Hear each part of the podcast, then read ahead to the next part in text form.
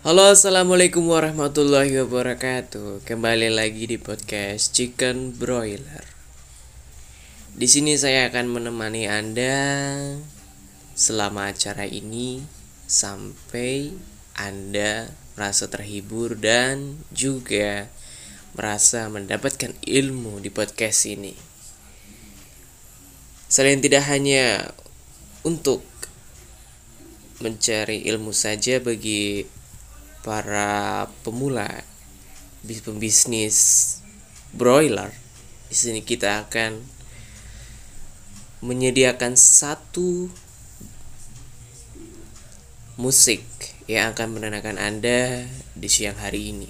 Dan pastinya akan ada satu berita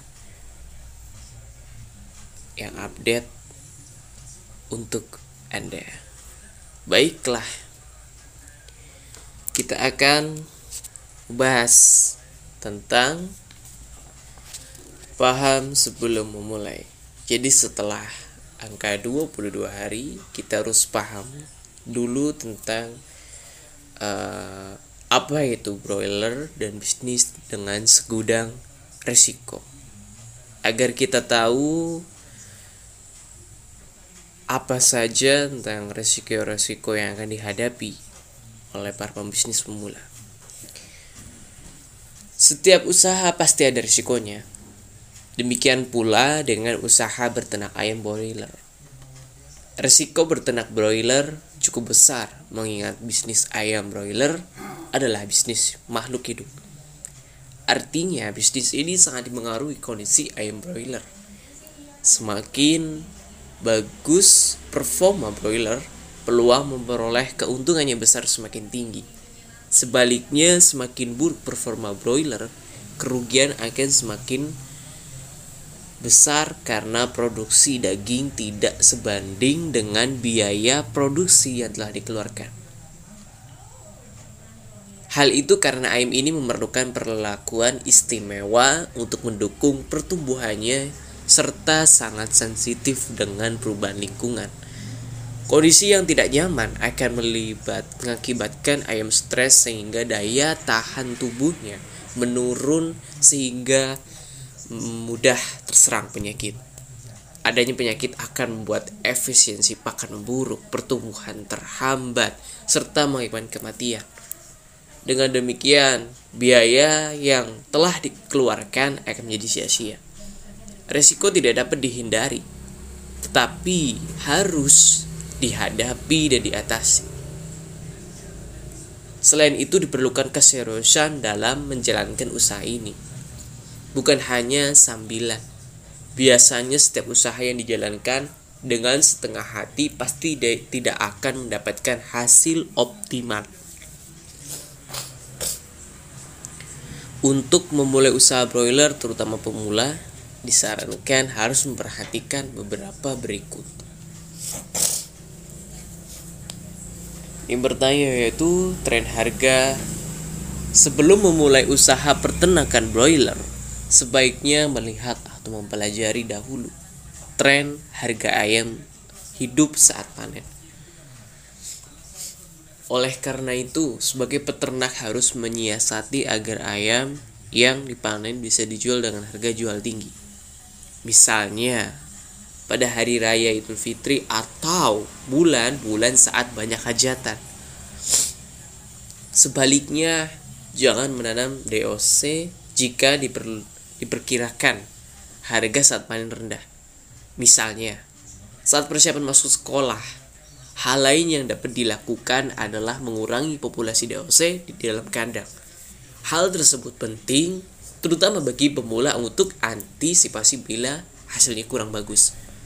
Yang kedua, kondisi musim dan cuaca. Musim dan cuaca turut mempengaruhi hasil yang akan dicapai.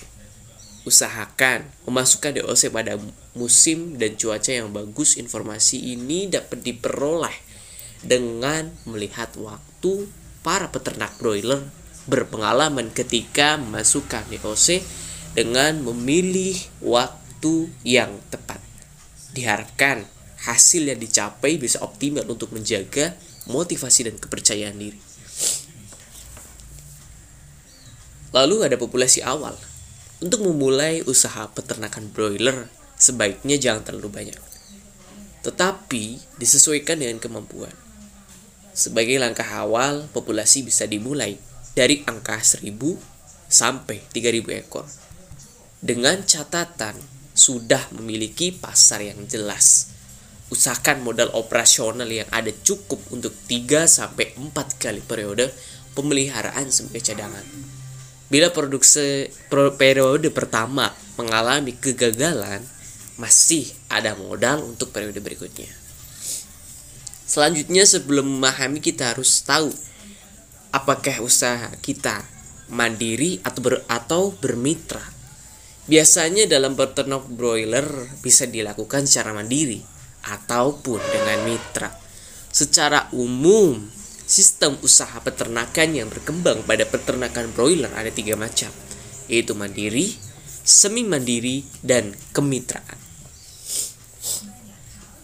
Sistem mandiri Sistem mandiri merupakan sistem beternak broiler yang semua modal, proses produksi, dan pemasaran dilaksanakan secara mandiri oleh peternak.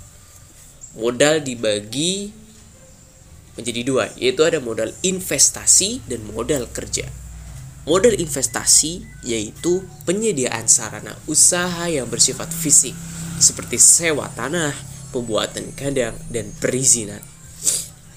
Sedangkan dan modal kerja itu modal yang digunakan untuk membiayai semua kegiatan usaha.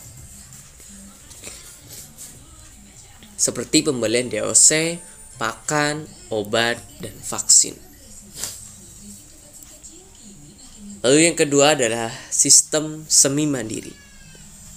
Sistem semi mandiri merupakan sistem bertenak broiler yang semua modal, proses produksi, dan pemasaran tidak sepenuhnya dilakukan sendiri oleh peternak.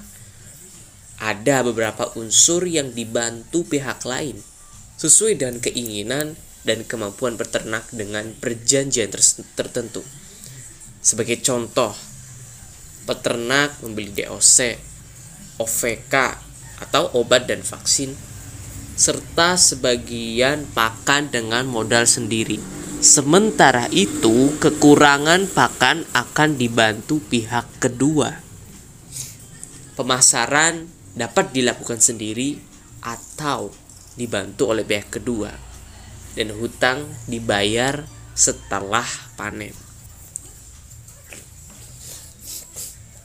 Yang ketiga ada sistem kemitraan. Sistem kemitraan adalah sistem yang dilakukan secara kerjasama antara peternak sebagai plasma dan pihak kedua sebagai inti. Peternak menyediakan kandang dan peralatannya serta biaya operasional pemeliharaan. Inti menyediakan sapronak dan berkewajiban melakukan pembinaan selama proses pemeliharaan berlangsung, aturan main dari sistem kemitraan adalah harga DOC. Sapronak dan ayam hidup sudah ditetapkan dan disebut dengan harga garansi. Namun, ada suatu pengecualian. Misalnya, kondisi sakit ada potongan antara Rp200 sampai Rp500 dari harga garansi. Pihak mitra tidak boleh membeli sapronak dari luar dan menjual hasil panen sendiri tanpa persetujuan kedua belah pihak.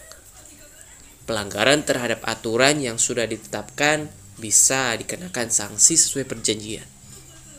Sebelum perjanjian kerjasama dimulai, Pihak inti akan melakukan kajian kelayakan kandang serta mem meminta jaminan kepada pihak mitra berupa surat tanah atau sertifikat, uang, atau BPKB kendaraan yang nilainya telah ditetapkan pihak inti.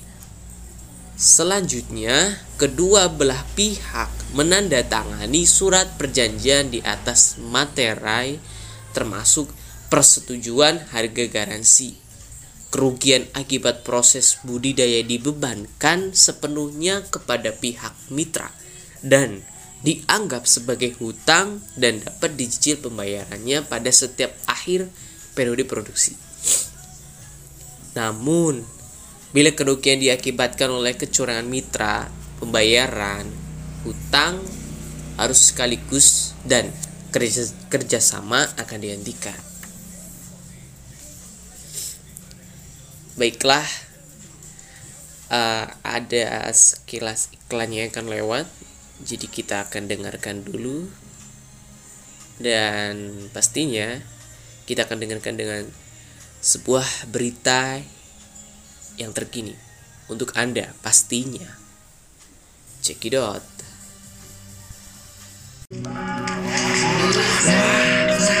Terima kasih ya, Bu.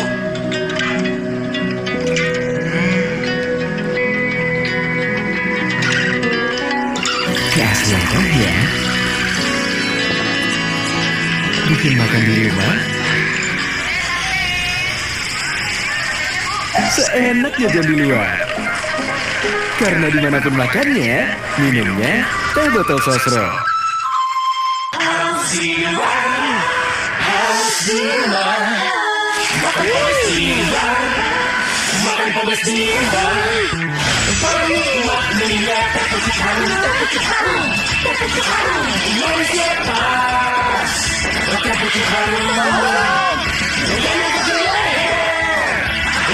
Mau di dalam atau di luar rumah, minumnya teh pucuk harum. Bikin seger di mana aja.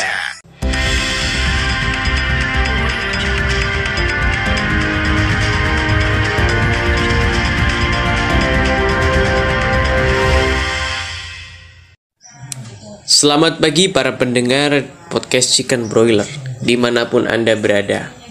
Jumpa lagi dengan saya Fikri Febrian Asrianto dalam Chicken Broiler News pagi. Sejumlah berita hangat telah kami disa telah kami siapkan untuk Anda pagi ini. Di antaranya, Bupati Mentawai minta warga awasi peredaran miras di pemukiman. Kongres AS berikan penghargaan untuk Muhammad Yunus dan simpati para atlet untuk korban ledakan di Boston Marathon. Informasi pertama mengenai Bupati Kepulauan Mentawai minta warga awasi peredaran miras di pemukiman. Bupati Kepulauan Mentawai Yuda Sabagratet meminta warga untuk mengawasi peredaran minuman keras atau miras yang dijual bebas di lingkungan pemukiman. Warga Kabupaten Mentawai tewas diduga usai mengkonsumsi miras yang dibeli di warung kelontongan.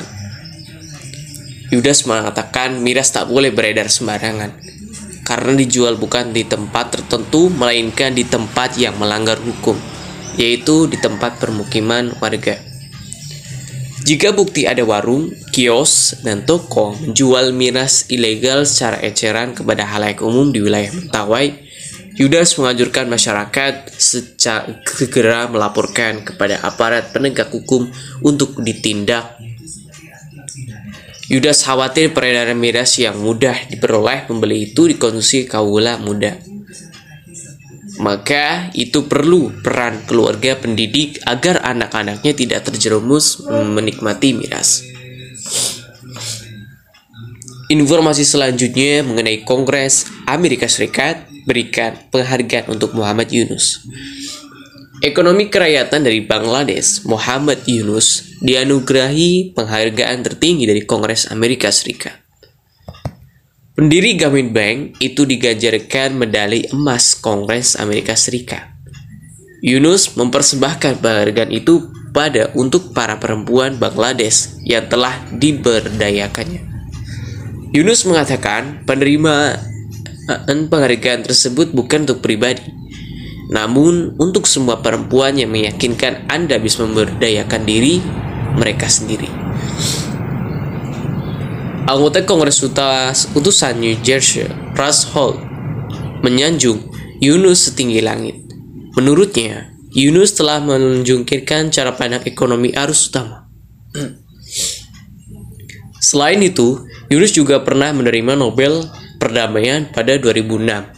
Saat itu dirinya dianggap telah mengangkat jutaan orang Bangladesh terutama dari jurusan jurang kemiskinan. Dan informasi yang terakhir datang dari dunia olahraga seputar simpati para atlet untuk korban ledakan di Boston Marathon. Ledakan bom di ajang Boston Marathon telah menimbulkan banyak kecaman dan mengundang simpati dari masyarakat dunia. Para atlet tak ketinggalan memberi, memberikan simpati atas kejadian tersebut. Setidaknya tiga orang dinyatakan meninggal dunia dia dan setidaknya 140 orang terluka. Ledakan ini terjadi dua kali di dekat garis finish Boston Marathon. Minggu lalu, simpati terus mengalir bagi para korban seiring usaha pihak berwenang menemukan pelaku pengorbanan.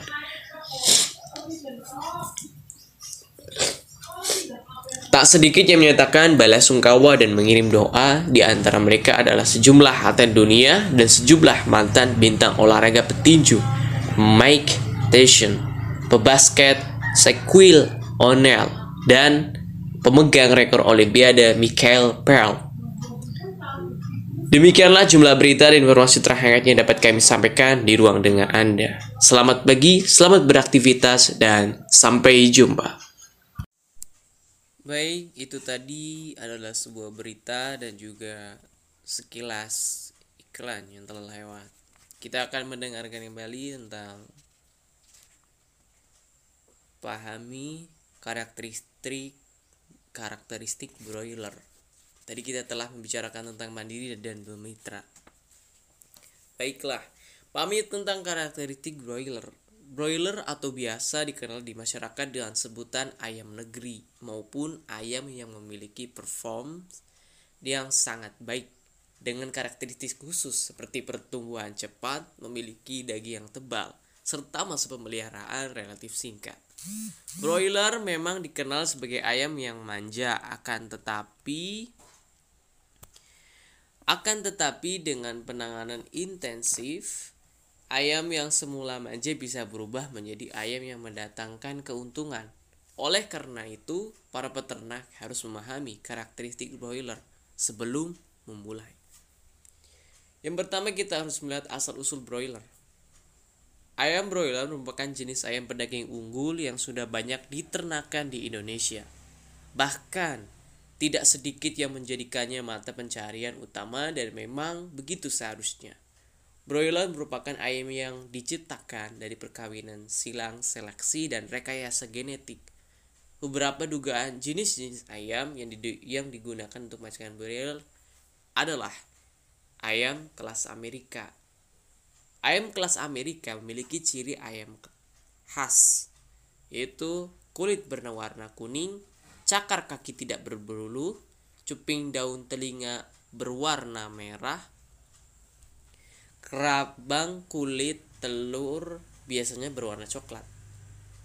Itu yang kedua ada ayam dari bangsa Plymouth Rock. Ayam dari bangsa ini sebagian besar memiliki bulu yang berwarna putih. Yang ketiga ada ayam kelas Inggris. Dari kelas ini dipilih bangsa ayam Cornish dengan ciri-cirinya yaitu bentuk badan padat kompak dan berdaging penuh.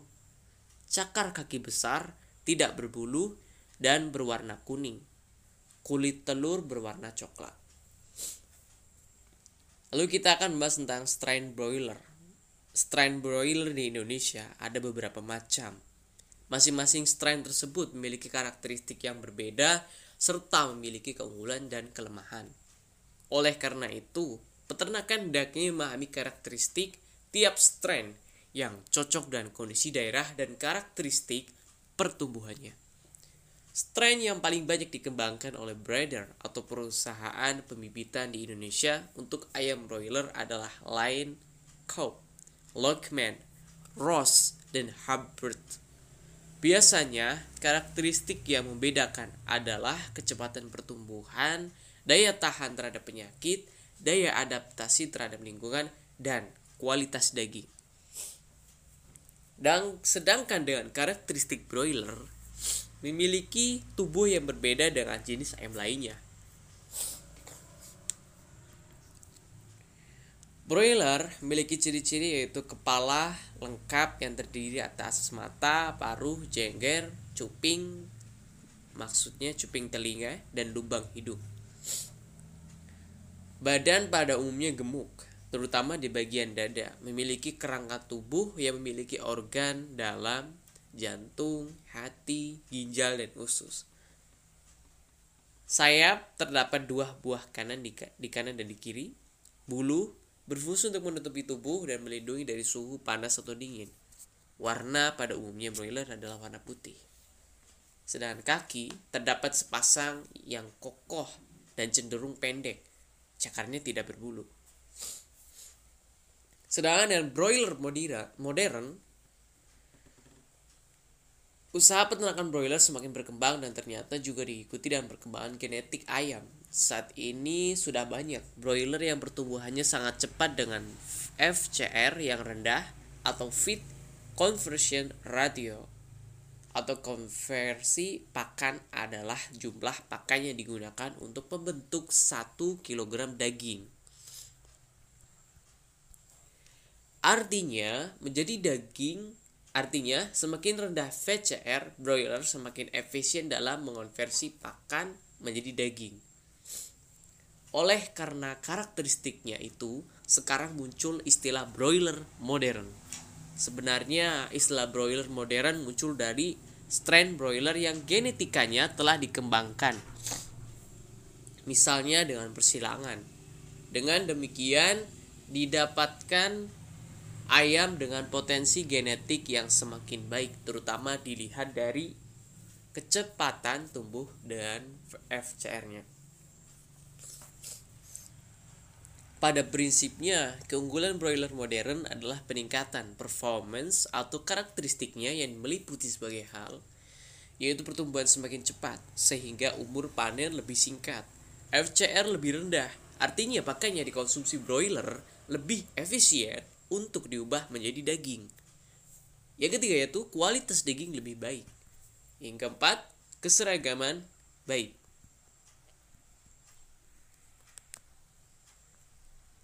Di balik keunggulannya, broiler modern juga menyimpan beberapa kelemahan sebagai berikut.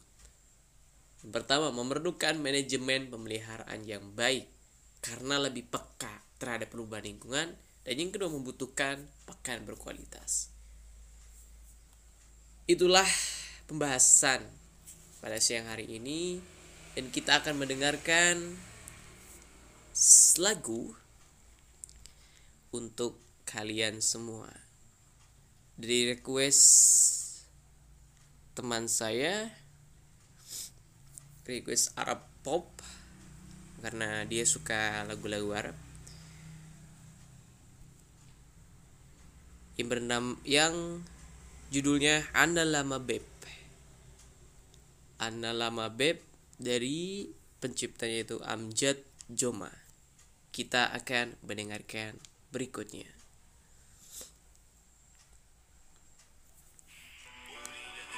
يا بنت جاي الليل اطلبي ولا بعمري عارف كنت وحياة الاله بريد قولي لامك يا بنت جاي الليل اطلب إيدك ولا بعمري عارف كنت وحياة الإله بريد. أشتغل وعرض الدنيا ما بعمر راسي بينحني لما دخلت بعمري هني من عمري إن شاء الله يزيد أنا لما بحب بحن مشن بقدم بحرم مشن الروح بغيباتك بتحن. تندم وينك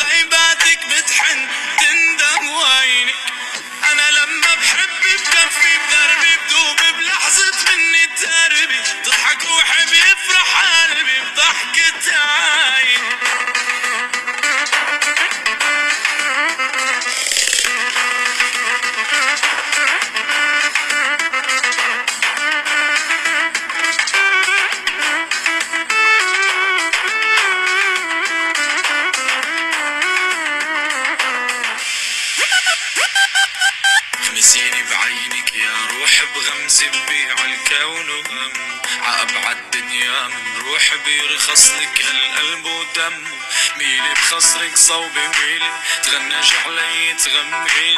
ابني حسا واكسمي سمرين وعدت كوني وحدك أم مزيني بعينك يا روح بغمزة بيع الكون وهم عابع عالدنيا من روح بيرخص لك للقلب ودم ميلي بخصرك صوب ميلي تغنج علي تغمي. ابني حسا واكسمي سمرين وعدت كوني وحدك امو وعدت كوني وحدك امو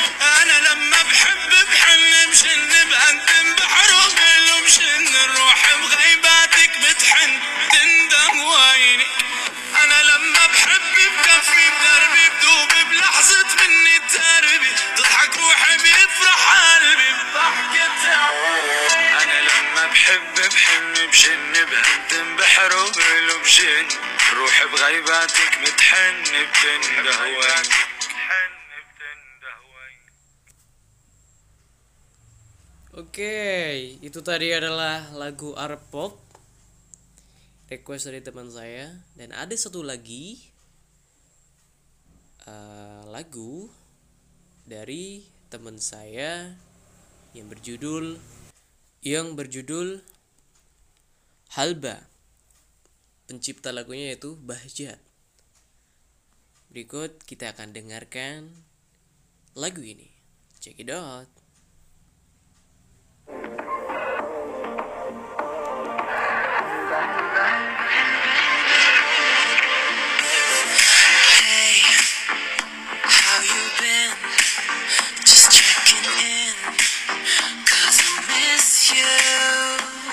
I'm jealous of the wind that feels your skin, cause it has you. And I know, and I know, and I know that I'm going too fast, but I don't know, I don't know, I don't know how to hold back. Don't wanna show, wanna show, wanna show that I want this to last. And I never thought I'd say this, say this. No, I never thought I'd say this, but I think about ya. I tell my friends about ya. Don't wanna be without ya.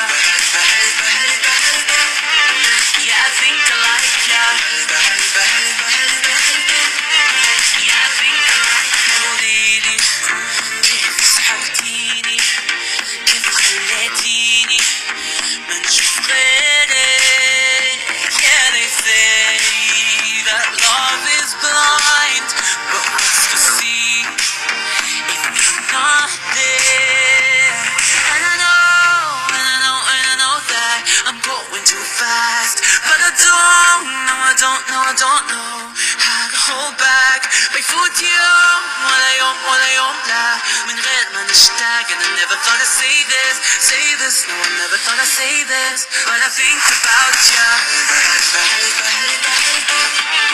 Tell my friends about ya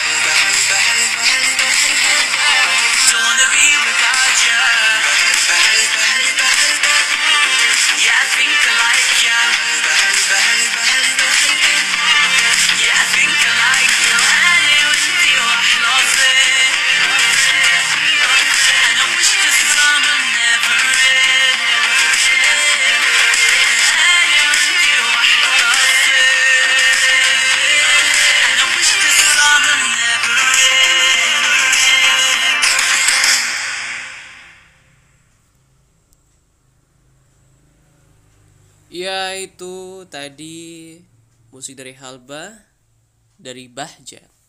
Oke. Sekian podcast hari ini. Terima kasih yang telah mendengarkan podcast hari ini. Semoga kita sehat selalu dan semoga happy terus. Sekian. Wassalamualaikum warahmatullahi wabarakatuh dan sampai jumpa.